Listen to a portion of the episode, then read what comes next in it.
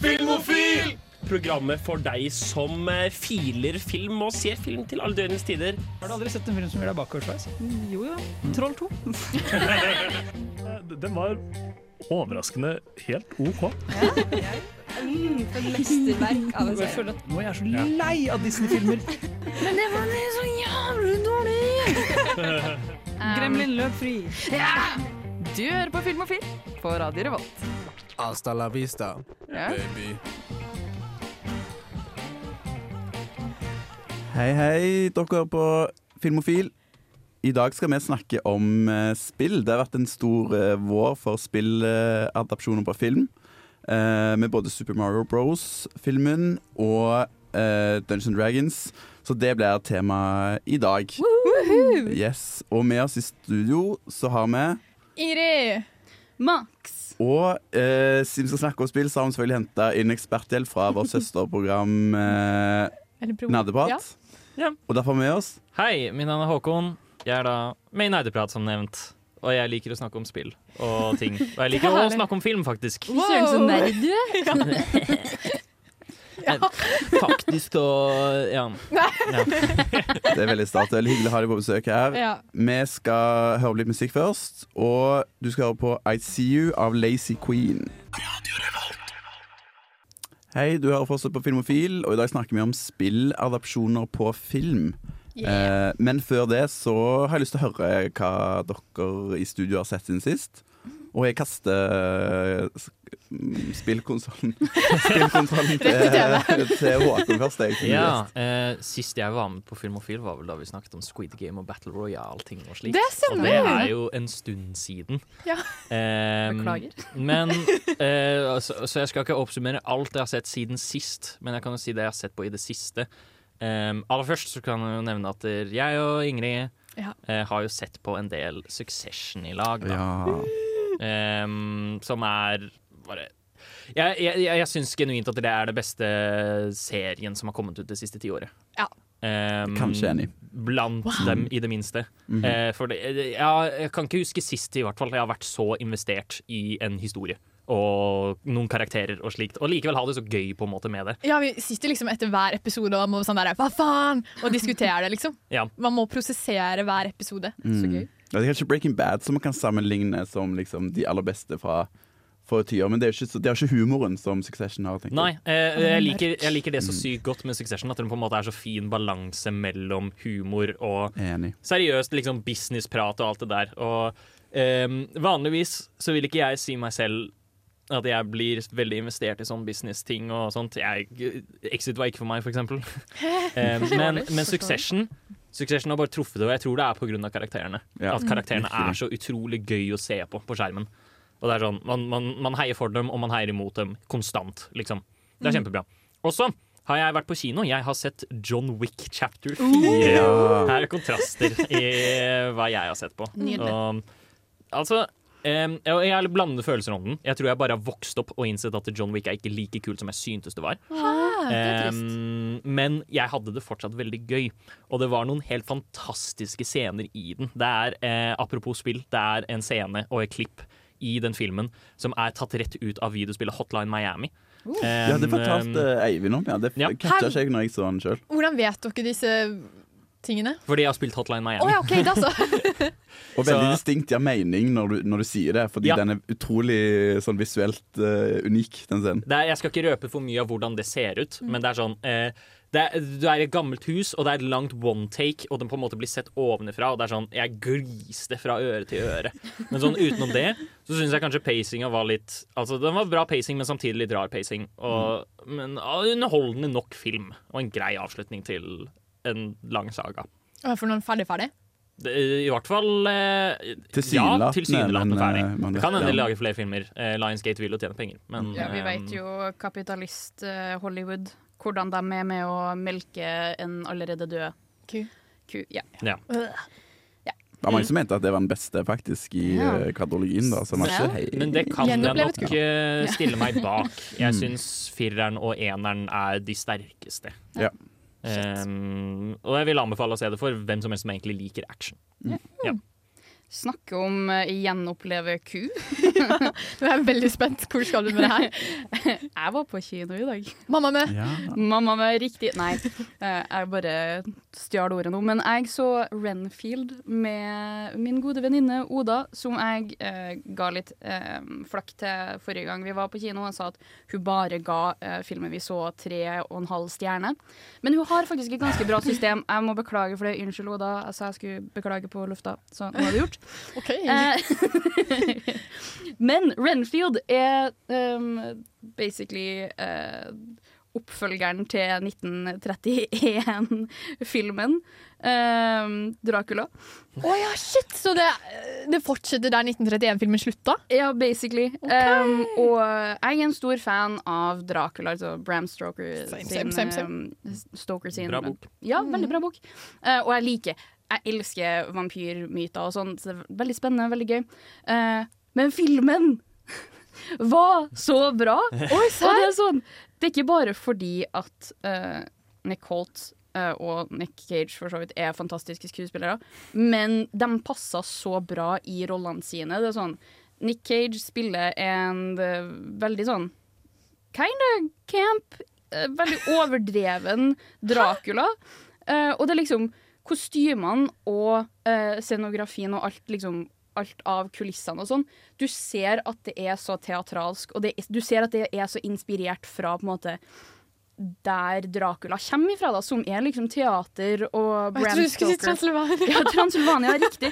Men det er veldig teatralsk Det er en veldig teatralsk og overdreven følelse til kulissene, og det er veldig sånn De bruker veldig mye farger, og det, du ser at det på en måte Det er veldig mye liksom sceneoppsett i filmen som passer veldig godt inn i settinga, og så er den bare kjempemorsom. Ok, fordi Jeg fikk ikke det her ut av traileren da jeg så den. Nei. Em, for, for jeg husker Da jeg så traileren, så var jeg sånn Det her ser ut som en veldig generic horrorkomedie. Skikkelig Eh, boomer best, i ja. hvert fall. Ja. Og, så, uh, og så ble jeg jo mer interessert når jeg så at Nick Cage var Dracula. Ja. Naturligvis. Men det er jo enda mer oppfordrende Eller yeah. oppmuntrende å høre at der, uh, den faktisk lar seg inspirere litt. Veldig bra. Jeg må ta den sjøl. Men nå skal vi til sangen. Vi skal høre 'Narsissist' av Vado. I'm Neil Marshall, and you're listening to Filmophile. Tusen takk eh, til Neil Marshall, som interesserer eh, Filmofil. Ei. Jeg vil gjerne høre hva du har sett siden sist, eh, Ingrid. OK, fordi her, nå, nå jeg føler jeg har jobba, siden jeg ikke har vært på Filmofil ganske lenge. Så jeg har vært på Mm. jobb. Så jeg har sett Succession sammen med Håkon, da, yeah. naturligvis, som var veldig kjekt og koselig. Men så har jeg jobba utenom det. Ja. Så først så har veldig mange snakka veldig positivt om den nye Netflix-serien Beef. Ja, ja, ja. Den det- har jeg hørt mye greier Den er folk skikkelig hype for, og det er jo eh, godeste Steven Yon som spiller en hovedrolle. Ah. Og det liker jo jeg. ja. Jeg har hørt drama, hot goss om beef. Eh, ene venninna mi nekter å se den fordi at det var visstnok eh, allegations som er confirmed om den ene skuespilleren. Ikke not Steven, not our okay. boy, men at det er nei, En av skuespillerne er litt sånn Å, shady, det gikk ikke bra. Og shit, for jeg har bare hørt positive ting. Hjertet mitt hadde knust hvis det var Steven Young. Ja. Ja, men serien skal være veldig bra. Men eh, Men eh, eh, så to episoder som jeg er skikkelig skikkelig, skikkelig stressa så jeg gadd ikke å se mer. Og så, siden jeg leser nå en eh, kostymedrama-bok som jeg alltid trodde dypt inn i mitt hjerte at jeg hata som bare faen, så tenkte jeg hva annet har jeg gjort feil? Hvilken andre vurderinger har jeg gjort feil i min oppvekst?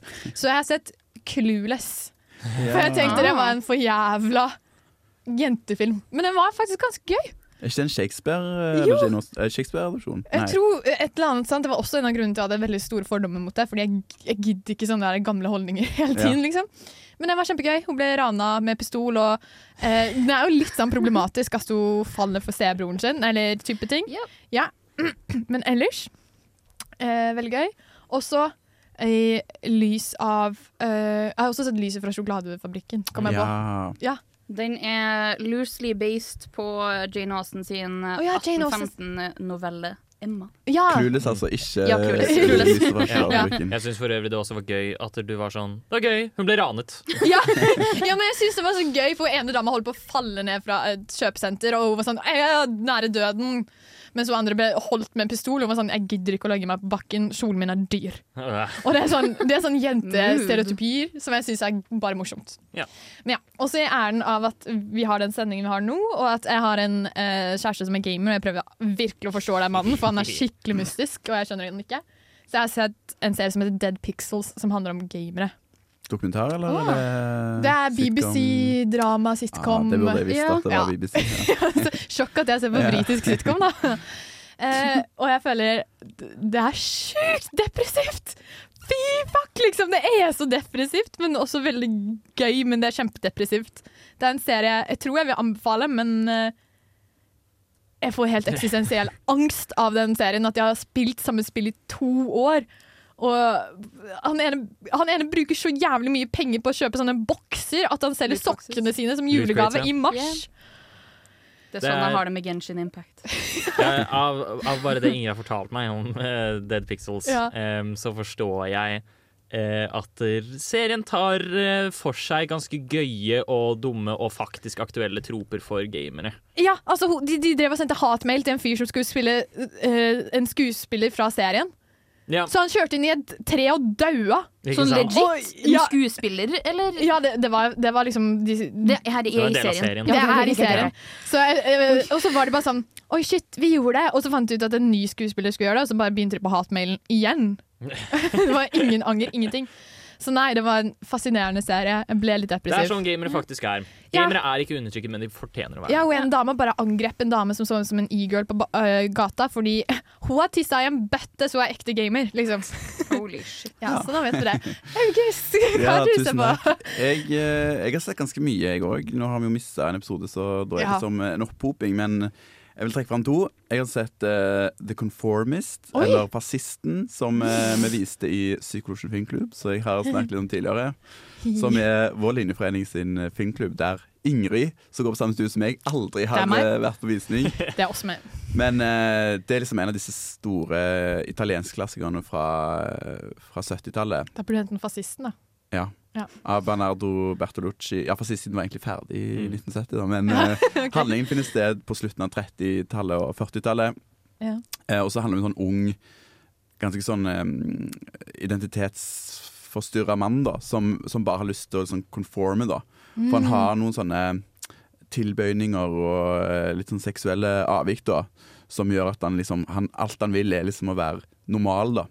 Og så går det ganske Han tolker dette litt feil, da, sant? så han ender jo opp med å gå inn i fascistpartiet. da. Eh, og så er det en veldig mørk, veldig bra eh, Veldig bra karakterportrett da, om, en, om en mann som på en måte mister på en måte den siste si, troverdigheten sin, da, med at han må gjøre noe som er veldig sånn Går på tvers av moral, da. Ai, ai, ai. Veldig bra film. Um, og veld, veldig tydelig at Coppola var liksom inspirert av den i måten den er lyssatt, da, så det anbefaler jeg veldig sterkt. Uh, og skal være veldig skjerp med siste. Jeg så uh, Evil Dead Rise. Oh. Ja, Veldig på- forskjellige filmer du har sett. Ja. på den i dag, og Og var den var litt skuffa. sin, Å, den var bra! Var den? Var den Ja, faktisk den var, bra? Ja, Jeg hadde ikke forventet at den skulle være bra. Jo, men det er så gøy, fordi Evil Dead-franchisen starta jo i 1981, tror Ja, jeg. Og så er den første en ganske seriøs film, og så er de to eh, senere blir mer og mer useriøse på Ja. et vis. Så denne følger i den sånn seriøse sporet, da. OK, men er det horror? Ja, Ja. Skikkelig. Det, men eh, det er, det er en av de skumleste filmene jeg har sett på kino på lenge. Så de har Definitivt flytta, ja, de har flytta handlingen fra en eh, hytte, så de først er på, da, til et leilighetskompleks i, eh, i Los Angeles. Men så får de denne klaustrofobiske følelsen, og så eh, syns jeg bare at eh, makeupen og alt det De klarer å gjøre de her hovedkarakterene som blir besatt, eh, så utrolig skumle. Så det handler jo om en sånn eh, De aktiverer en sånn mystisk kraft da, som ligger i The Book of the Dead. Og så må de prøve å overleve The Terror, da. Så skal jeg ikke rappe om det. Men eh, superbra. En av de beste skrekkfilmene jeg har sett på lenge. Så det er òg en varm anbefaling fra meg. Nå må vi ta litt musikk igjen. Vi skal høre 'Happy' av Nadia Essa. Radio Revolt er den beste studentradioen i Trondheim. Jeg hører på det hver dag. Skikkelig bra. Ja. Da er vi tilbake her på Filmofil, og i dag så skal vi snakke om spilladapsjoner til film. Ja. Um, ja, spill eh, Det begynte jo kanskje å ta av sånn ordentlig kommersielt utover 80-tallet med liksom arcade-spill og sånn. Ja. Så jeg har sett de første forsøkene på spillfilmer er fra da. Men ifølge internett så er det på en måte Super Mario Bros-film fra 1993 som på en måte blir regnet som startskuddet. For Eh, ja, for det er viktig å skape en forskjell her på liksom det med filmer rundt basert på og, eller inne påvirket av videospill. Mm. Men eh, den, jeg tror den aller første filmen eh, Den aller første spill til filmadaptasjonen, altså eh, en film som var ment til å på en måte gjenfortelle det som skjer, eller bruke universet til spillet, var den første Super Mario Bros.-filmen fra 1993. Men hoppa de på sopper og slo skilpadder, liksom? Eh, fordi eh, grunnen til at det, det, den filmen er jo ikke så veldig bra. Det er vel kjent som en av de Um, dårligste filmene noensinne, eh, ja, um, den er veldig sånn øh, dere, øh, dere har jo alle spilt Mario. Alle som hører her, har sikkert spilt Mario på en eller annen måte. Um, og dere vet at dere er fargerikt, Ja. og man tar sopper og man blir større og bla, bla, bla. Mens her så er det på en måte sånn gritty, dystopisk kapitalisthelvete. Og de tar sopper på en annen måte? Nei, oh, ja. men, men, men soppene henger liksom rundt på veggene som mugg. Ah, eh, og nei, de nei. lever, men de lever ikke, og det er bare utrolig rart. Og det er på en måte bare sånn Så det en utrolig røff start, da, men det gir jo også naturligvis mening at det startet med Super Mario, siden det er det, det, Mario er jo den mest gjenkjennbare karakteren i mediets historie. Den Ja. er mer gjenkjennelig enn Mikke Mus. Eh, så, så det gir jo naturligvis mening, da. Det skal jo også sies at eh, det er veldig mye av japansk eh, medie og eh, spill som har blitt adaptert, så liksom det er jo eh, Nintendo og så videre med liksom Ja, det der på en måte Den her adaptasjonen på en måte starta, da. Ja, for det var det jeg litt lurte på. For hva er faktisk det at film tar spill? Hva, hva er det vi prater om? på en måte? Um, det er vel i hovedsak da eh, spill som mm. på en måte gjøres om til filmer. Um, og da skal prøve å for Og gjenfortelle Ja, og serier. Som prøver å gjenfortelle hva spillet handler om. Ja. I, intensjonen med dette er jo naturligvis å Det er ikke alle som spiller videospill. Det er en eh, et, Selv om det på en måte har blitt utrolig mye mer mainstream, så ses det fortsatt på som en ganske nisjehobby og interesse. Ja. Um, og det å lage filmer av videospillene gjør også historiene til spillene og spillene generelt mer tilgjengelig. Så det er ikke bare for å tjene penger? Nei, eller jo, Ja. naturligvis for å tjene penger. Men også for å på en måte ja, gjøre de tilgjengelige. Og, og fordi eh, folk eh, det, det, Spillmarkedet blir jo større og større, og det investeres mer og mer i det. Mm. Og så er det vel litt sånn, det har et ganske frynsete rykte ennå. Ja. Jeg tror Når folk tenker spilladapsjon eh, på film, så tenker jeg at dette, dette blir dårlig. Ja, man gir opp allerede når man hører tittelen, liksom. Ja, så vi skal jo jobbe oss uh, gjennom litt forskjellige subsjangre eller kategorier av spilladapsjoner i dag. Mm. Og så har vi uh, faktisk Vi snakker også litt om spilladapsjoner som ikke er spilladapsjoner, fordi spill har jo gjennomsyra kulturen vår veldig mye de siste 30-40 årene. Mm. Og da er det noen eh, filmer som bare er på en måte om spill, men ikke Mm. kanskje ekte adopsjoner. Ja. Yes, Da blir det mer eh, musikk før vi kommer tilbake til det her. Vi skal høre på 'Være med på leken' av Havk. For et program i burra med både klasse og stil. Du hører på Filmofil. Du hører på Filmofil, og vi skal gi ordet til eh, bursdagsbarnet. Max, Hvem har det bursdag? er et eget stikk til deg. Gratulerer med dagen. Gratulerer med dagen! Takk, takk. Vi burde synge. Vi burde synge. Nei, det går fint. Vi trenger ikke å synge. Det går helt fint. OK. Mitt stikk handler ikke om, ikke om at jeg har bursdag, men Det burde det. det burde det. Men jeg studerer jo medievitenskap. Mm. Max, hva er det for noe? Eh, medievitenskap er mm, læren og studiet om alt av media. Som da eh, inkorporerer alt av videospill, film, sosiale medier. Alt ifra liksom eh, bokpressa og til radio? Og radio. Og radio. Aldri og hørt om. radio. Og Telegrafen. Oi! Men ja, så det her er jo noe jeg studerer og eh, faktisk eh, har skrevet en god del oppgaver om. Akkurat det her med adaptasjon. Um, og det er jo en utfordring med på en måte, det faktum at du har eh, forskjellige affordanser, altså forskjellige egenskaper som et medium eh, eller et medie kan um, gi til det medieteksten den portretterer. Da. Og medietekst det inngår alt av film, spill osv. Um, Burde vi gitt en nerdealarm her?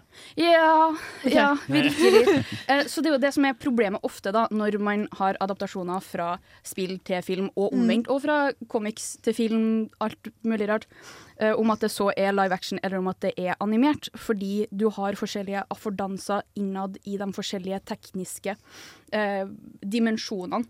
Hva, hva Altså. Affordanser er da de egenskapene um, den uh, teknologien kan gi. Å ja, OK. Så for eksempel med, liksom. med, for eksempel med videospill, da, så er det at du kontrollerer Ja, både det og det tekniske bakenforliggende aspektet til produksjon. Så du har det faktum at du har en helt annen teknologi som går inn Mm. når du lager spill. Du kan liksom, hvis du har animerte spill som du som oftest har, så har du liksom Du har forskjellige på en måte estetiske eh, muligheter. Du kan gå for 3D, du kan gå for ehm, 8-bit, whatever. Men det kan ikke du på lik linje i live action, som er en stor utfordring vi ser med tidlige adaptasjoner. For du har ikke den samme på en måte, uh, estetiske grunnlaget til å uh, på rett måte adaptere um, f.eks. Mario.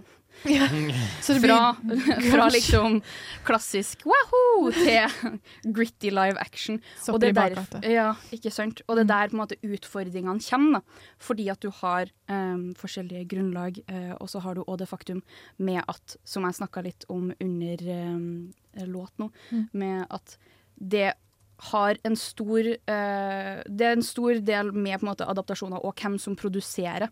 Mm. Hvem det er som på en måte har um, agens over det som produseres. Fordi det er ikke samme person som har produsert spillene, som produserer seriene. Ja. Uh, og der får du òg på en måte opp forskjellige utfordringer. En, et av de store problemene som vi har sett med The Last of Us, for eksempel, Mm. det er jo det at folk er misfornøyd med Bella, Bella Ramsey fordi at de ikke ser nok ut som uh, Ellie, og det at man er usikker på om at de kommer til å klare å portrettere en litt eldre um, Mm. Ellie. Men samtidig så er det her et ekte menneske som er den alderen de er nå. Uh, som er 19, som er den alderen Ellie er i Mm. det siste spillet. Ja. Um, men det er liksom Det er så mange tekniske uh, ting som går inn i adaptasjoner. Ja, jeg har inntrykk av at uh Uh, spill har ganske sånn harde fans iblant. Ja. Det kan liksom Ja. gatekeepe oh, ja, de propertyene veldig. Som gjør at sånn der uh, utgangspunkt er litt vanskelig, da. Det er ikke så lett å Mm. omvende Det er sant. de som er fan av spillene. Ja, og, så har du, og der har du også poenget til um, en av mine, eller to av mine favorittforskere innen fagfeltet, Oi. som er Klastrup og, og Toska, som snakker mye om um, fan uh, fandom-delen, da, samtidig som de tar for seg transmedialitet. Og transmedialitet er det at et me en medietekst uh, dukker opp i flere forskjellige Mm. medium. Eh, og da har du på en måte om at det fokuserer på franchiset, eller om at det fokuserer på mediumet, eller om at det fokuserer på historieverden eller karakterene. Så du kan liksom ha Batman i eh, Lego-universet, sjøl om at han egentlig er Ja. i Gotham og DC-universet. Men du Ja. har på en måte Det er forskjellige måter å eh, adaptere ting på. Og det, det er liksom Det er ikke noe van jeg vanlige folk tenker over. Jeg skulle, ja. Ja. Uh, beklager hvis det er off topic, men uh, basert på det dere vet, har du en oversettelse på en måte som du hater, som føler du har feila på alle punkt? Var det veldig Det, vanskelig? det tenkes. Det tenkes. I mean, det er jo alltids dårlige adaptasjoner, men jeg har Jeg har lært meg det gjennom mitt studieløp, og eh, anerkjenne, selv om at det er liksom At det er en adaptasjon, så er det på en måte Det er sitt eget verk. Det trenger ikke å ses i lys av det det adapteres fra. Ja, ok. Mm. Så Death Men- Note er like bra live action på Netflix? N- Nei, jeg veit! Avatar, The Last Airbender, oh! and My Child. Ja, mm, ja, der har vi den. Der har vi den. Ja, uffa. Veldig bra. Takk for da, meg. da sier vi stopp eh, på det der. Nå skal vi jobbe oss litt gjennom uh, forskjellige typer spilleadopsjoner. Mm. Først skal vi høre 'Ikke normal' av Nonne. Eh, Mamma, Ja, vennen? pappa, Ja? jeg har akkurat uh, sett Pulp Fiction på rommet mitt og funnet ut at jeg er filmofil. Nei! Du hører på Filmofil. Ja, vi er tilbake.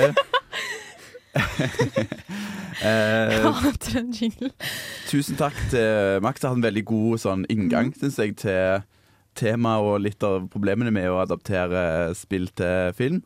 Uh, vi starter med å snakke om noen ganske dårlige forsøk på dette. Vi skal snakke om slåssespill som har blitt adoptert til film. Og jeg, eh, jeg tenker du kan starte litt, eh, du Håkon. Der er det snakk om Fordi vi nevnte Mario, Super Mario Bros. Movie som den aller første filmen eh, som adapterte Som var en adaptasjon fra et videospill. Filmen, viktig å presisere. ja. Adapterte film. 90s Filmen. Mm. Eh, så, og så kommer det ett år senere, hvor du får Street Fighter, the movie.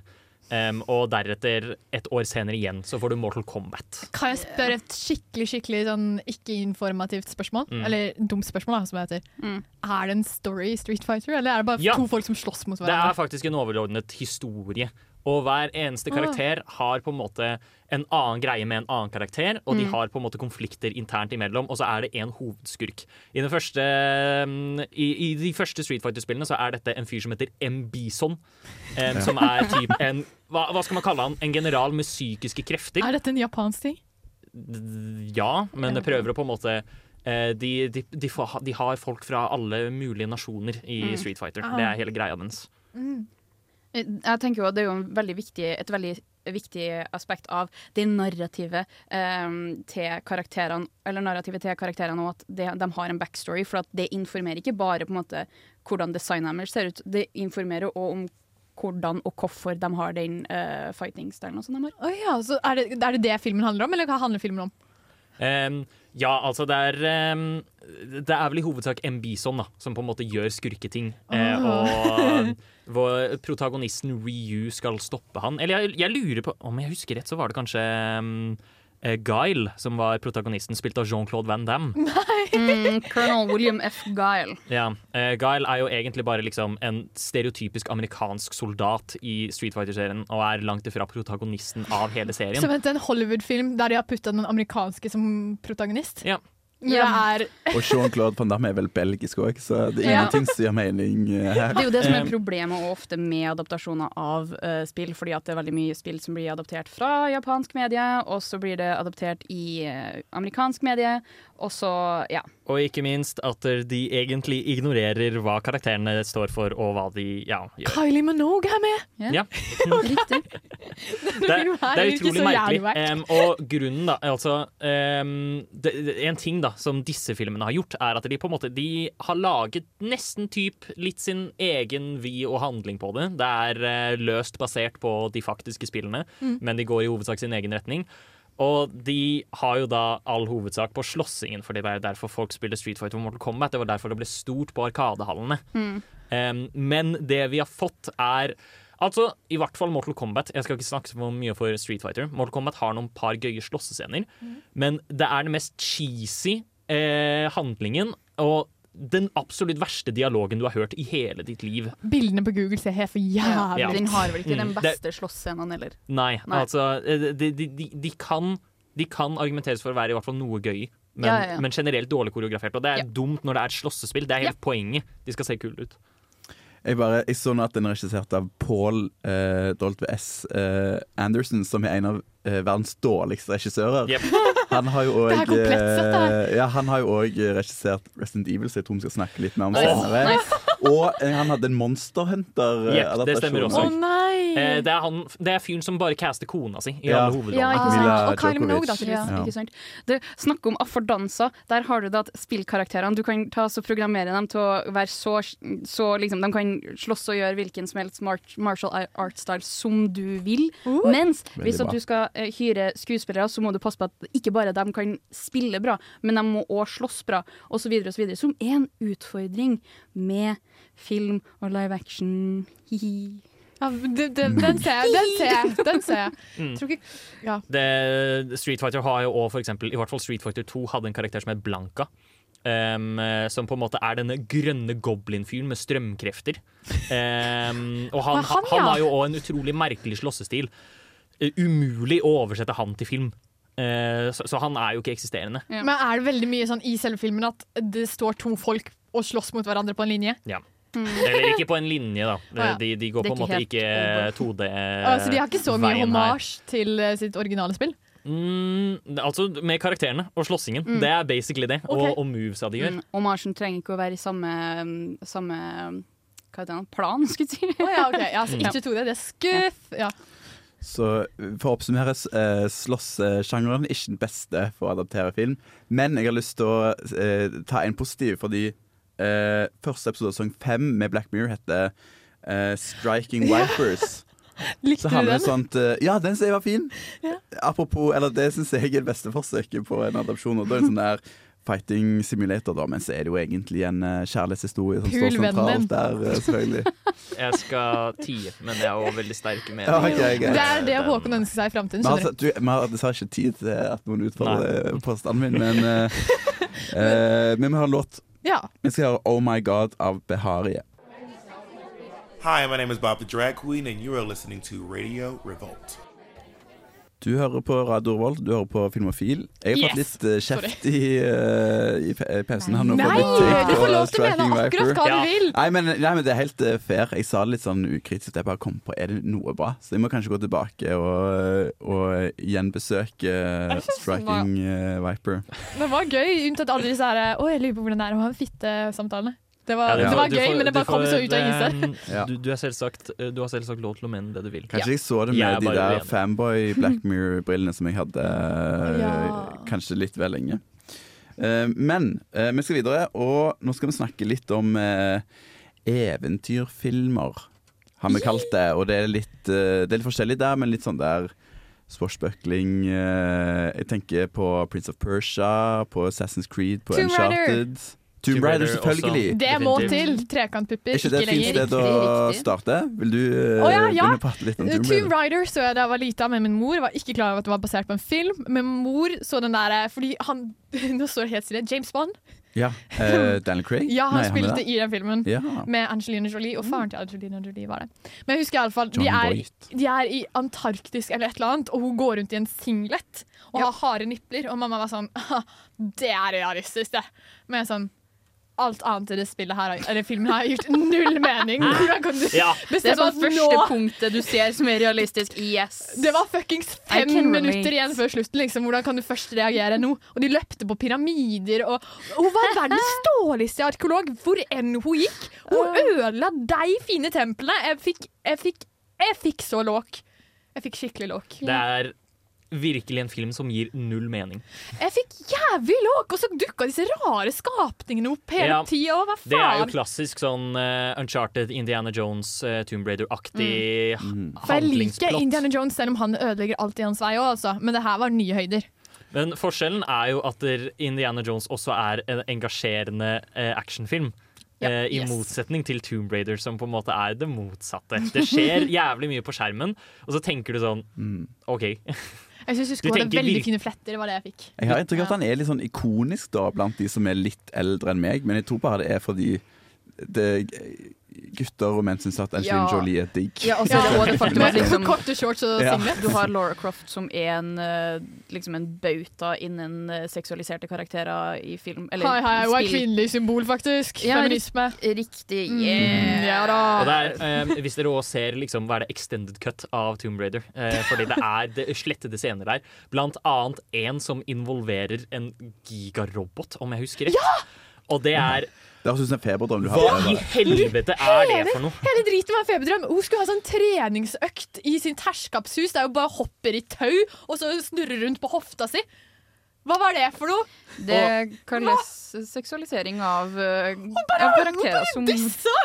Og sånn sett så er Tomb Raider en utrolig dårlig oversettelse av hvordan det er å spille spillene. For det er jo et en feministisk symbol i spillet? Eller hva handler spillene om? Jo da, altså du er jo uh, Du er jo du skattejeger, typ. Mm. Og du på en måte drar steder, og du skal finne skatter og slikt. Og så navigerer du, og du er en badass kvinne som uh, har trekantpupper. Ah, og det, bla, bla, bla. Jeg skulle si det med, men jeg vil ikke uttale meg for tidlig. Men, det, og det er jo aldri liksom så giga actionfylt som i denne filmen. Mm. Ja. Ehm, og de, de, de har på en måte misforstått litt hva som gjør Tomb Raider kult, mener jeg, da. For Man skulle jo tenkt at eventyrfilmer var lettere kanskje å adaptere, men Mm. det er jo noe med det der Ja, forskjellen er jo at man er jo ikke passiv på en måte i spill, sånn som man er i, I filmer. film. Da, ja. Mm. Og det, jeg, sorry, jeg er skikkelig nerd i dag, men du har òg det faktum at perspektiv kommer eh, Det spiller en stor rolle når du adapterer eh, spill til film. Mm. Fordi du har på en måte I mange av spillene så ser du på en måte Laura Croft fra bak fra, liksom. Du I har liksom et fine, over- trange jeans. Riktig shorts. eh, Mm. Men liksom, du ser du, det, du har et helt annet perspektiv og en spillopplevelse når du spiller Tomb Raider enn når du ser det. Og så er det jo også fordi at når du spiller, så kan du være engasjert på en helt annen måte enn når du ser film. Du har på en måte ikke den samme kroppslige eh, engagementen som du får når du spiller. da. Mm. Eh, akkurat slike ting òg er grunnen til at jeg mener for at filmer som Assassin's Creed feilet. Det var Ja. psykokjedelig! Det- Som er skikkelig rart, fordi at Assassin's Creed er et veldig narrativt spill. Ja. Eh, men eh, du, du, spiller, du ser den filmen, og så skjønner du at ingen av disse har spilt Assassin's Creed. Ja. Ja, for De har bare fått liksom manuset, mm. eller fått liksom sånn hva spillet er. Eh, og så har de laget en film ut av det uten å spille det i det hele tatt. Fordi Mm. der også, I Assassin's Creed, Den kule delen av Assassin's Creed er jo at du får møte skikkelser som liksom Leonardo da Vinci Oi! og ja, renessansefolk og viktige yeah, ja, ja. folk da, Ja, for i historien. Jeg har ikke noe peiling på spillet. Alt, jeg så Assassin's Creed, filmen, og så var jeg fikk bare med meg at de Ja. lette etter en eple. Jeg er ikke så glad, jeg, jeg er ikke så glad i spillene, da, men uh, jeg anerkjenner på en måte hvor kul konseptet er. Ja. Eh, men så klarer de på et eller annet vis å gjøre det til verdens kjedeligste film. Virkelig. Og der kommer du inn på poenget jeg sa med det spiller en rolle med hvem som produserer, fordi at du må ha bakenforliggende kunnskap, og du burde ha en samtale med noen som har vært med produksjonsselskapet, liksom, eller Mm. ja, Mm. noen som er megafans, you know? Så kan vi nevne Uncharted òg faller jo i denne kategorien med spill som man skulle tenkt eh, Det er så mye humor og så liksom sjarmerende rolletolkninger i spillet. Ja. Og så blir de så utrolig generiske når de blir adaptert Ja, for- til film som Hollywood ja, man, Det er kontraintuitivt, Ja. syns jeg. da Hva handler det Uncharted om? Er det også liksom fan, Er det skattejakt? Det er skattejakt, ja. Ja. Ah, det, elsker skattejakt! Det samme eller spillselskapet som har uh, laga The Last Dance. Us. Ja. Naughty Og der, der er jo på en måte også hovedkarakteren liksom en utrolig sjarmerende joker av en type. liksom. Han Mm. kødder mm. mye, og han har liksom en komisk sidekick i form av hans gamle bestevenn Sullivan. Mm. Eller Sully heter han vel bare. Mm. Um, men, eh, og, og det er mye banter og det er mye gøy dialog på den måten. Alt er bare sugd ut av filmen Ja. fordi de skal ha kule actionscener. Mm. Det, det, det, det, det, det her er filmer som misforstår da, hva, som, hva som gjør eventyret kult. Mm. Ja, for det er jo fordi at de ikke de, Det er så ofte ikke en fanbase som blir eh, på en måte eh, snakka med når at det gjelder den produksjonen her, som man burde ha en samtale, man burde ha liksom eh, analytiske greier, sånn, hva heter det, surveys, før man Ja. Tjener penger. ja, Vi før man begynner å produsere filmer. Uh, vi må fortsette å lete etter den riktige kategorien med spilladopsjoner. Først skal vi høre 'Will I Ever Know' av Darling West. Hei, dette er Nikolai Kleve Broch. Eh, Jeg vil bare si, hør på Filmofil, så får du med deg mye bra stoff om film. Vi snakker om film, og nærmere eh, spesielt spilladapsjoner som har blitt film. Og nå har vi kommet til eh, skrekkfilmer. Min favoritt! Eller filmer så, eh, skrekkfilmer som er adaptert fra spill. Og her har du lovt en rant, eh, Ja, Håkon. det her har jeg mye å si. Fordi Eh, et av mine favoritt-horrorspill, Doom Ja. Du det, Håkon? Um, for, for, fordi Ja. Det, det her er på en måte Disse filmene vi skal snakke om nå, er, mener jeg er liksom kjerneproblemet av 90% til spill til filmadaptasjoner. Okay. Um, og det er at de, de misforstår helt hva spillene er, og hva de handler om og slikt. Om vi kan starte med Doom. Det er skrekk. Doom er ikke et skrekkspill. jo da. Doom er, altså, det har skrekkelementer til seg, og det er sånn du ser på en måte veggene, og så ser du liksom demoner og død og tapte sjeler og bla, bla, bla, og så blir du liksom litt sånn satt ut av det. Men det er et spill som fokuserer på høyt adrenalin-action, hvor du liksom spurter gjennom et nivå på hastigheten av liksom uh, Usain Bolt, eh, og plaffer ned alt du ser. Hvis Det- du hører på soundtracket, så føler du deg virkelig energized og empowered. ja. Ja. Så hva er filmen? Du plaffer det alt du ser. Det er Dwayne Johnson oh, ja. i en supergenerisk, eh, treg sci-fi horror. Hæ? Så det er ikke demoner engang? Jo, det er demoner, men det er sci-fi? men ganske sci harde sci-fi-elementer til det. Men det er jo liksom Det er litt sci-fi-elementer i spillene òg, da. Det skal jo sies. Ja, det er jo, det er jo liksom, Men det er Altså, demoner i eh, framtiden når du hører på rockemusikk. Spillet tar for seg at det, ja, liksom, du, du, de åpner en portal til helvete på Mars. Em, Ja, as you do. ja. og, så, og så blir du dratt inn i helvete, og så skjer det masse skitt, og bla, bla, bla. Og så her gjør de det på en måte ja, det, det, Vi har alle vært der. Ja.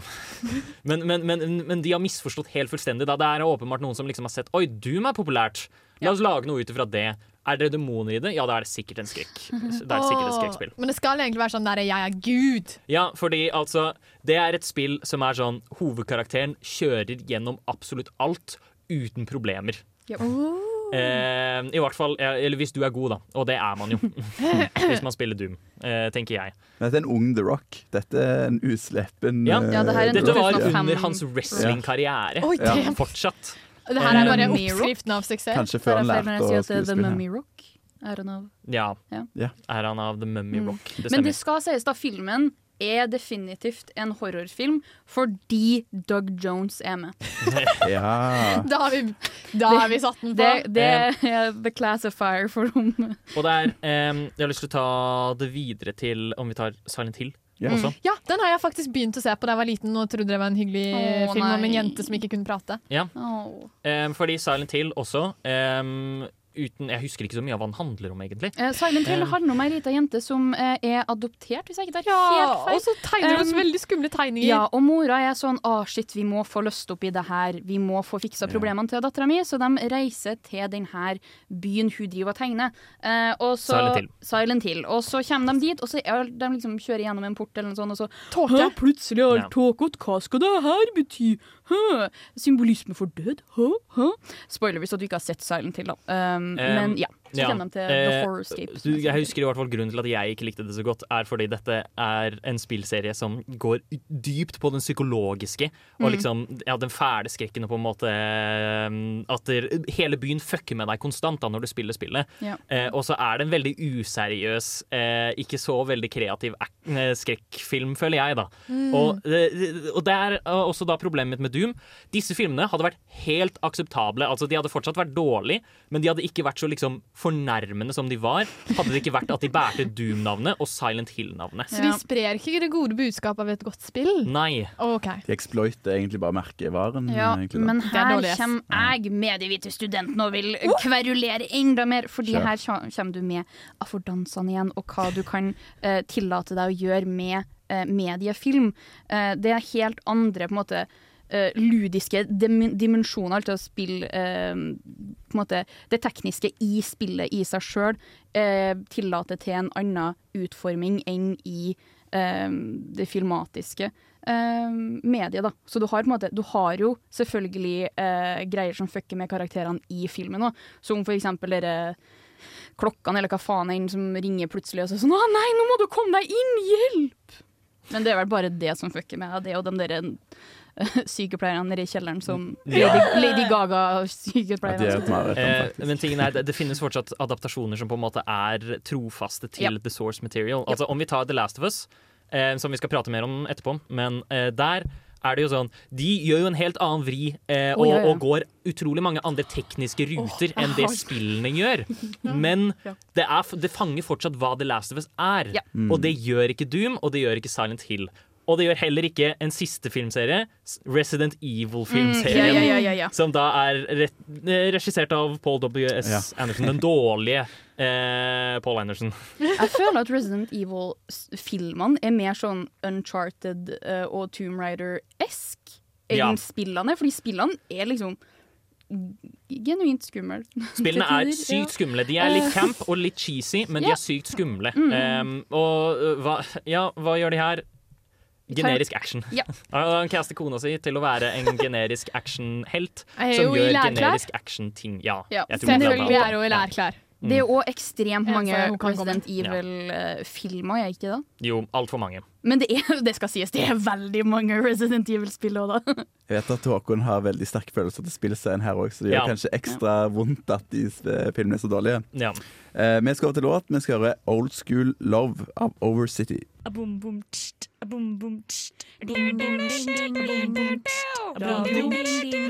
Yes, vi er tilbake, og vi tar et lite Vi tar et litt sånn temposkifte her. Fordi vi har snakket om eh, slåssing og om skrekk og om eventyr.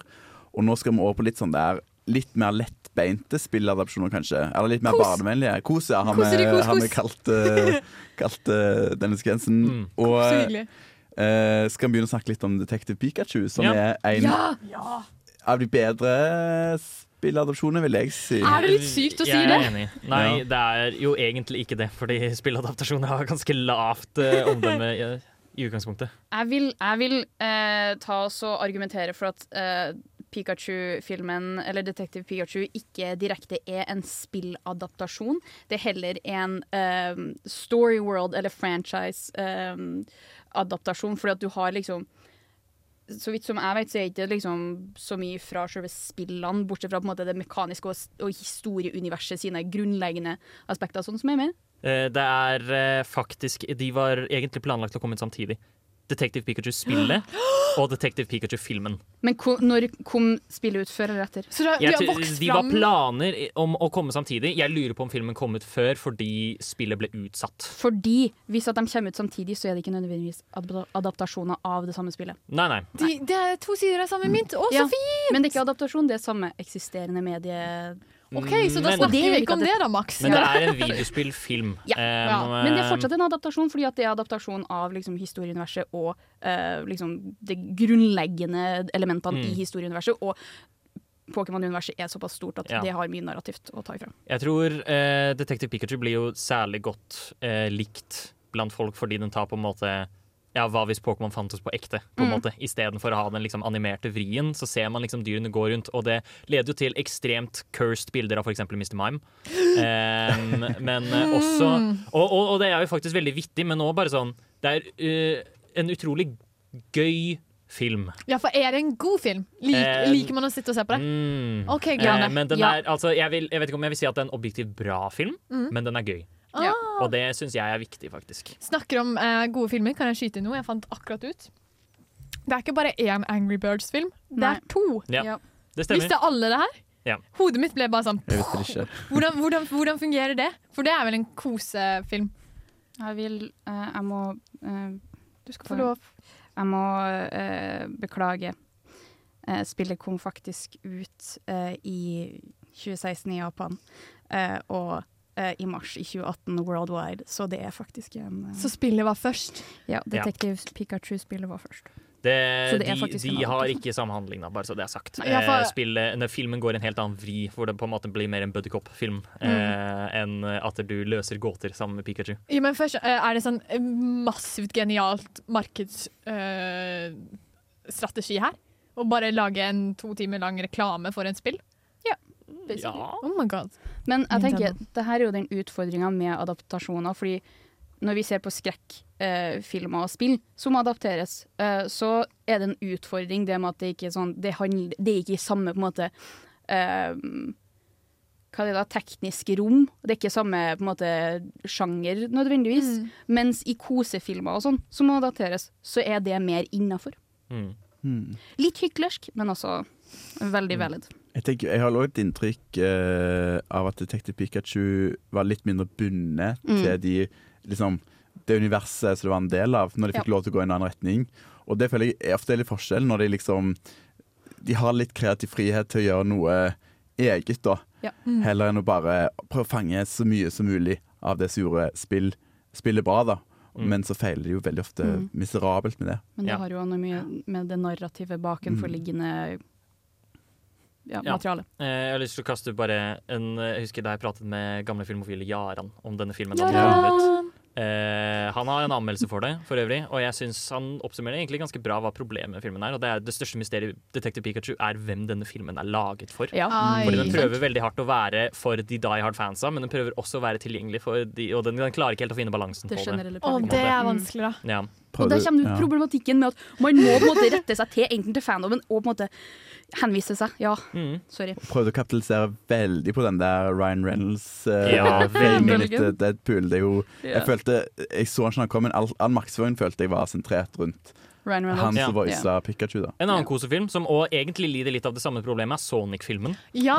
Um, som på en måte det, det, Fordi Sonic-filmen er en isekai. Um, for ja. de av dere som vet hva det betyr. Det betyr rett og slett at protagonisten blir transportert til en annen verden. I dette Mm. tilfellet så blir Sonic transportert fra sin vanlige Green Hill Zone-verden til menneskeverden. Så de bruker ikke det universet de har satt opp, men det er sånn hva om Sonic var i menneskeverden? Ja. Og det, det- det, det, faller flat derfor. Ja. Men uh, Idris Elba skal være i virkeligheten. Ja, fordi Sonic 2 har jo Idris Elba som Knuckles. Um, som, er, som han hevder ikke er sexy, men er sexy. Jeg ble en tåkelur her. Jeg ble, skulle det, jeg ble en tåkelur. Um, ja. Eh, ja. Veldig bra. Uh, da skal vi høre litt uh, musikk før vi kommer tilbake. Dette er FHDS. Hei, mitt navn er Atle Antonsen. Du lytter til Filmofil på radio Revolt, og det gjør du helt til programmet er ferdig. Atle Antonsen. Ikke bra. Ikke bra. Åh. Oi. Ja. Ja, nei da.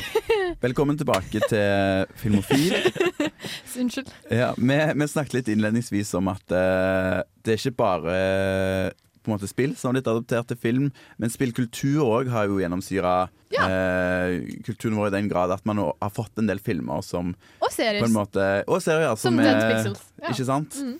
Eh, så nå eh, skal vi snakke om spilladapsjoner som ikke er spilladapsjoner. Og jeg vil begynne å snakke litt om Det Scott, altså, eh, ja, spillfilmer, da, som ikke Ja. er spilladaptasjoner. Jeg for syns det var en ja. veldig bra tittel på det. Takk, takk, takk. Ja. Eh, jeg vil begynne å snakke litt om Scott Pilgrim uh, vs. The World. Den er bra. Som jeg er veldig glad i. Ja, ja, ja. Eh, regissert av Edgar Wright. God karen. og som egentlig er en tegneseriebokadaptasjon. Mm, ja.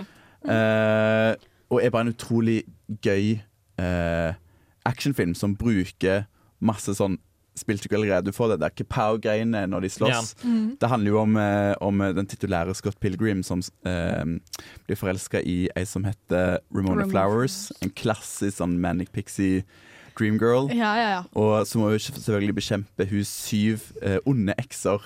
Hun var sammen med brødre på et tidspunkt! Hva sa jeg det. Ja. Skandale. Ja. Søstre? Nei, Nei brødre. Ja, stemmer det. Mm. Det var to Mm. tvillingbrødre. Stemmer det. Eh, eh, jeg synes Det det, det er kanskje min favorittfilmspilladaptasjon, selv om Ja. det er litt juks. Men det er jo kjempebra, og den er på en måte Den tar inspirasjon og referanser og sånn på de, all, alle de rette stedene, føler jeg.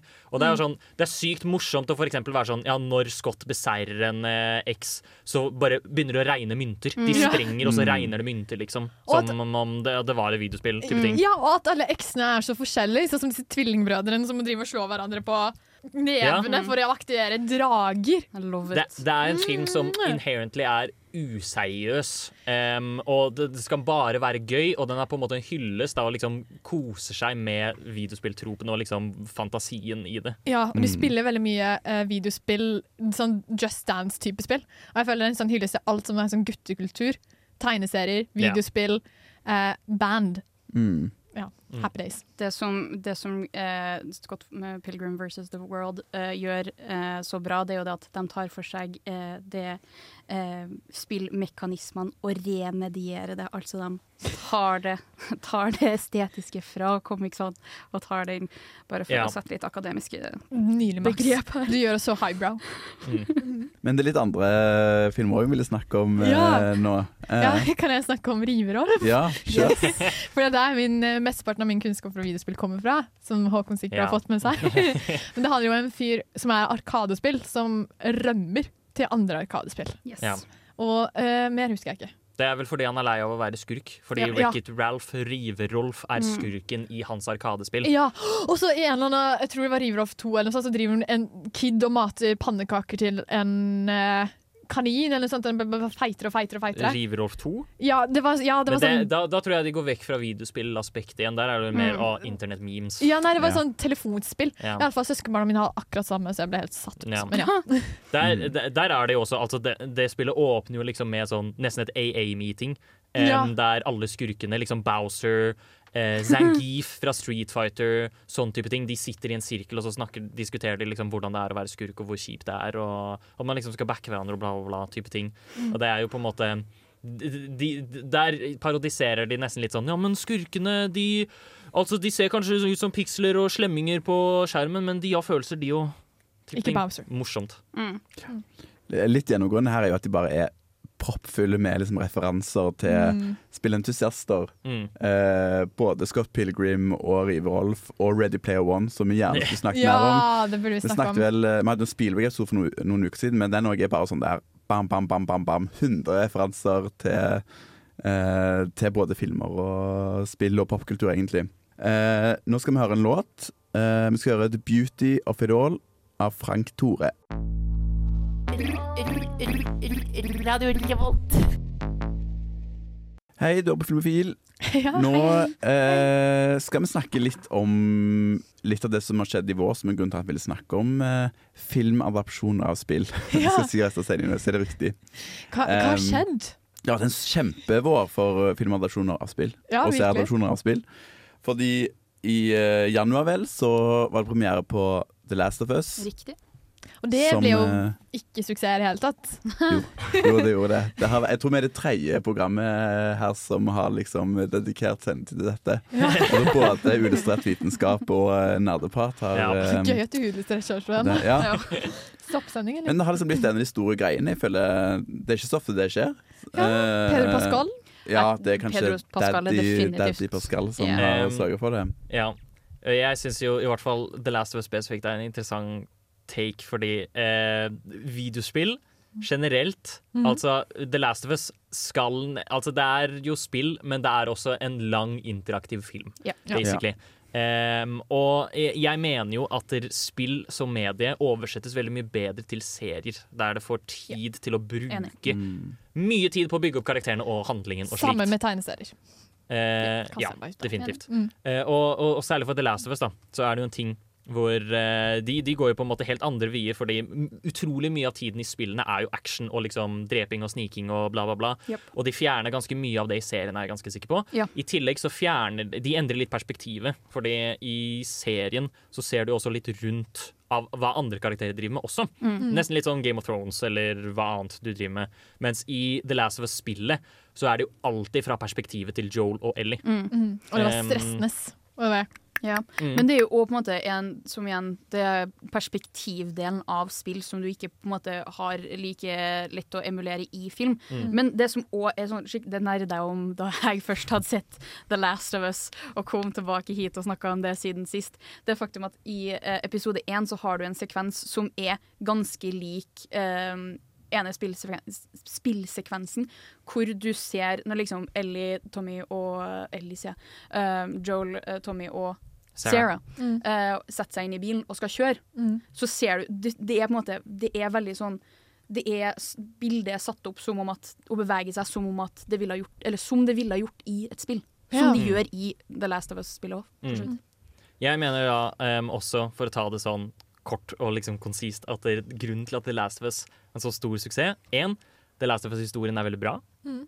To, Neil Druckman, personen som produserte og utviklet The Last of Us, fikk være med på avgjørelsene av Ja. hvilken, hvor serien skulle gå. Det er jo faktisk veldig viktig. Tre, det er en serie, og da får karakterene mye mer tid til å florere. Og Ja. faktisk ha bygning, og du, du, du rekker å knytte bånd til dem.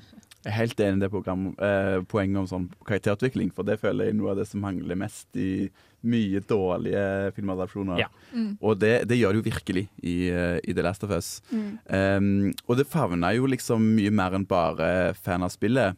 Men jeg husker eh, episode seks eller syv, når jeg skal rømme fra den ene byen, så er det sånn stort soppmonster som kommer opp. Oh, ja, den, jeg er som kommer opp. Fra Ja, og, og det husker jeg Jo, men det husker jeg var et sånt øyeblikk som de som ikke hadde noe erfaring med spillet, ble liksom satt ut av. Mm. Sånn, ja, hva, hvor kom det monsteret fra, liksom? Men det er vel ganske ikonisk fra spillet. Ja, det er et stage fire Ja. eller fem uh, Ja, dere refererer til bloaterne? Ja. Ja. Mm. Å ja, men de har jeg jo møtt. Ja, dem har du møtt. Men det er, liksom, det er jo òg en ting de har gjort i serien. Da, at de har, uh, som du sa, fjerna mye av actionsekvensene. De har òg fjerna ekstremt mye av uh, liksom zombie-sekvensene, eller zombie-infected-sekvensene, fordi at det er mye mer uh, infected i serien enn, nei, i spillet enn det er i serien. Ja. Det er jo fordi um, spillene er, handler jo det, det, er, men, det handler jo om mennesker i en zombieapokalypse-verden. Um, så ja. Ja, og det føler jeg på en måte Det blir litt sånn motsatte av det på en måte problematikken jeg har snakka om tidligere, med at på en måte du får en helt annen innlevelse i, i film enn du gjør i spill, så derfor så tar du heller og bare Du Ja. gjør liksom du, gjør, ac- Mm. du, du skaper mer action, men fordi at The Last of Us er et såpass ekstremt narrativt spill, uh, så trenger du ikke det. Du må på en måte la karakterene få puste litt òg. Ja, men skjønner. Så Last of Us var en skikkelig suksess. Det virker veldig veldig, veldig gjennomtenkt. Uh, August, det er noe jeg har vært skikkelig nysgjerrig på å spørre deg Ja. på. Hvordan var Super Mario-filmen? Tusen takk for at du spurte. Ja, nå er kjempenysgjerrig. Eh, Er det også like suksess, eller er det en miss, altså? det, her kan det være at jeg er litt i minoriteten, eller bare at det er en veldig polariserende film, men jeg syns den var skikkelig dårlig. nei! Jeg var så eh, sikker på at vi skulle liksom komme til nye høyder. Ja. At vi skulle være bedre enn 90-tallet, men faen, da. Og det er mange som digger den. Det er jo, animasjonen er jo av Illumination, de som Mm. har grusomme deg, og den er fin. Oh, ja. Um, jeg fikk muligheten til å dra på en sånn pressevisning, og eh, det var med norsk tale. Å, nei. Og jeg har sett en, en dubba norsk film på mange, mange år. Ja, for jeg skulle til å spørre hvordan var Chris Pratt, oh, men da kan ikke det. Skikkelig Nei, det var Kristoffer Kristoffer Robin Omdal og Viktor Sotberg som var Mario deg. og Luigi. Og han ene er fra Mandal, og den andre er fra, fra eh, Steinkjer. Ikke sant? Å, Så ja. bare der så er jeg liksom helt eh, ute av liksom den logikken i Ikke veldig Mamma Mia. Men der Mm. får du jo den problematikken med at i Norge så har vi ikke et såpass stort eh, Det er ikke så mange voice actorer og skuespillere som, som liksom dabler inn i voice acting i Norge, så du har den problematikken Same! Ja, Du har den problematikken med at det er ikke så mange å ta fra. Mm. Som liksom Det blir en utfordring, og det er det motsatte av problemet de hadde med den amerikanske versjonen, hvor det var sånn Yeah, Chris Pratt. Ja. Wow! Og det er mange som eh, Jeg har en kompis også som på engelsk digger han. Mm. Eh, Men jeg tror at den var Jeg tror produsenten Det var en av de produsentene av Mario som var veldig delaktige i produksjonen. Mm. Og det syns jeg man merker, fordi det er ikke en egen film. Det skal bare liksom proppe inn så mye Mm. Mario-law som man kan, da. Så det er sånn- bare Mario-spy? Jeg syns det. At eh, Ja. plottet er syltynt, liksom. Det er en Mario-film som eh, er for Mario-fans, og som anerkjenner at du vet hva Mario handler Ja. om, og er å involvere rundt, Riktig. og ikke så mye mer enn det, har jeg Mm. forstått. Og så er det forskjellen f liksom fra Mario til The Last of Us, er at The Last of Us er en direkte adaptasjon Mm. som har enkelte modifikasjoner Mm. fra liksom det det er adaptert fra, eller remediert fra. Mens at Super Mario, eller filmen, tar for seg liksom universet og liksom historieverden og deler av historien fra forskjellige spill. Mm. Så oppsummert så vil jeg si Det kan godt være at det er en bra Super Mario-film. Jeg synes det var en, en dårlig film, bare. da Hva syns du Så- om uh, den Bowser Luigi Bow, Bowluigi, er det skipnavnet chipnavnet heter? Eh, eh, ikke det verste av filmen, men nice. ikke så veldig bra heller. Vi må over til låt igjen. Vi skal, hete, vi skal høre på 'Soltar pra fora' av Tiger State. Jeg liker jo litt film, da. Ok, Men ikke se amerikansk film. Personlig så ser jeg bare fransk. Helst uten undertekst. Hæ? Hva?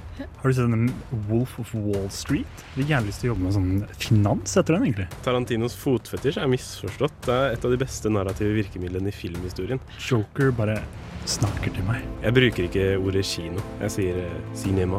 Hvis du ser en eneste Marvel-film, så er du en jævla taper. Men eh, hører dere på Filmofil? Det er en fantastisk uh, jingle, syns jeg. Og uh, nå savner jeg uh, Eivind og Lasse Eivind litt. Det er alltid. Mm. Mm. Men mer plass til oss, da. Ja, Um, riktig. Det er viktigst. Det som var bra, apropos uh, filmadopsjoner av spill, var at selv om Super Mario Bros var dårlig, så var Dungeons and Dragons skikkelig bra. Eller Ja. hva, Max? Ja! Men jeg skjønner ikke det er jo Jeg skjønner ikke den filmen. Har de bare putta folk i det universet? Ok, Det som er greia, er at Dungeons and Dragons er ikke et univers in, liksom, in and of itself. Det er um, et sett med regler som på en måte Det er Ja, du kan si at det er liksom narrative verdener der òg, for at du har liksom um, i bøkene så har du liksom Her er eksempel Waterdeep, diverse plasser som du Mm. har i de forskjellige versjonene av Dungeons and Dragons-bøkene, eh, hvor du på en måte kan ta med Og det er jo det de har gjort med filmen her, at de har satt eh, karakterer basert på eh, klasser. Mm. eh, og gitt dem backstories, som man gjør med DND-karakterer, og satt dem i eh, narrative miljø som er i fra bøkene. Eh, men det som er så flott med DND, er at man kan gjøre hva enn man vil med de forskjellige verdenene og miljøene man havner i. Ja, ok, for Er det sånn da at de liksom har tatt en eksisterende campaign? Eh, eller har de laget sin egen campaign rundt filmen, på en måte? Eh, det som er at det er jo på en måte ikke en campaign som spilles ut. Det er ehm, en actionfilm basert på spillmekanikken og eh, på en måte plasser i DND-universet, hvis man kan kalle det det. Da. Så filmen er bygd opp som et spill? Nei, det er det Ah. den ikke er. fordi Jeg skjønner ingenting av okay. dette spillet. Når, Filmen er ikke som å spille spillet. Den er som å det, det er akkurat det, som, det som gjør DND så vanskelig. For når at du spiller spillet, så skaper du et narrativ. Du, Mm. du skriver en historie sjøl. Men de har ikke med de spillelementene som man utfører spillet med, som er terninger og på en måte Ja, eh, ja, harde så de regler. Ja, Ja. Så de tar for seg liksom alle plassene i uh, Dungeons and Dragons-filmen. Mm. Uh, filmen er plasser du liksom Eller de fleste plassene er eh, plasser som du faktisk kan finne i det overordnede eh, Dungeons and Dragons-universet. Som for eksempel det um, Hva det heter det, fangefortet de først, først er i. Det er en plass der de, som liksom i kanonisk Dungeons and Dragons som du kan sette din spill i Ja, ja. liksom, den settingen. Ok, skjønner, men eh, Må man ha spilt Dungeons and Dragons for Nei. å nyte den filmen? Ikke Nei. For hva, hva slags film er det da, hvis man ikke har spilt eh, Dungeons and Dragons? Er det action, liksom? Fantasy. Jeg vil si at det er Dungeons and Dragons ble jo skapt fordi det var en gjeng som hadde lyst til å kunne liksom rollespille de fantasy-universene man kjente fra Ringenes herre. Da. Mm. Og, og, og sånn, så det er jo eh, Det minnet, Det er noen av de samme uh, type karakterene man kan møte i masse forskjellige uh, fantasy-universer. Eh, og så følger de sånn stereotyper. da sant? Du har en sånn veldig sånn karismatisk uh, bard, og så har du en barbarian som er en fighter. Michelle Rodriguez. Ja, ikke sant? Um, Du har en druide som spilles av Sofia Lillis, som Mm.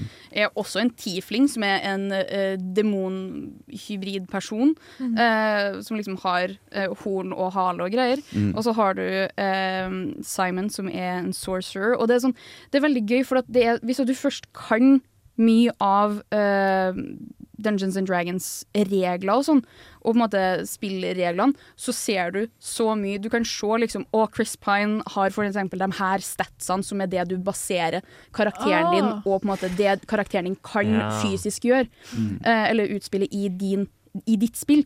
Du ser på en måte at å, han har for eksempel eh, høy wiz, høy karisma, eller høy wisdom, høy karisma, men kanskje litt lavere intelligence, uh, mens at uh, Michelle Rodriguez sin Holga har ekstrem strength, veldig lag, lav intelligens Mm. og uh, wisdom. Men det som òg er så gøy med filmen, er at det er så, så mange easter eggs Mm. som er spredd Ah. gjennom. Det er en, det er en homage til Critical Role, sin FCG, altså Fresh Cut Grass, som er liksom Simon, som er liksom trollmannen. Han kaster en sånn prestidigitation som er en sånn veldig liten spill, og så Nå lukter dere ferskkutta gress. Mm. Og så er det karakterer ifra um, ifra den uh, animerte tegneserien, eller tegneserien fra 80-tallet, som er med i en fighting-sekvens i filmen.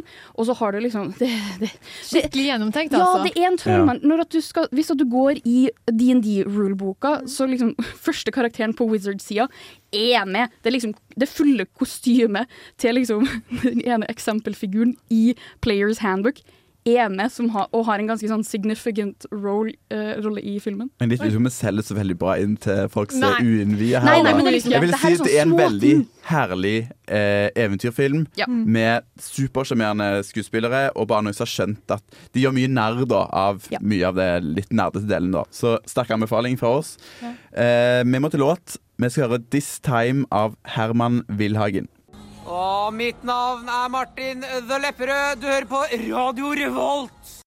Du, vi hører på, eh, vi hører på Radio Revolt, dere hører på Radio Revolt. Og eh, du har stelt i stand en, eh, en quiz til oss, har du ikke det, Ingrid? Uh, den er skikkelig skikkelig lett. Men jeg vil jeg bare gir dere fire forslag på framtidige videospillfilmer. For de har jo lagd filmer av alt. Ja. Så må dere tippe hvem som er sanne.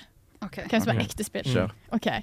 Og så vil jeg gjerne kanskje høre om dere tror dere hadde sett det eller ikke. Bare Ja. raskt. Ok, Så en Space Invaders-film. En Just Dance-film.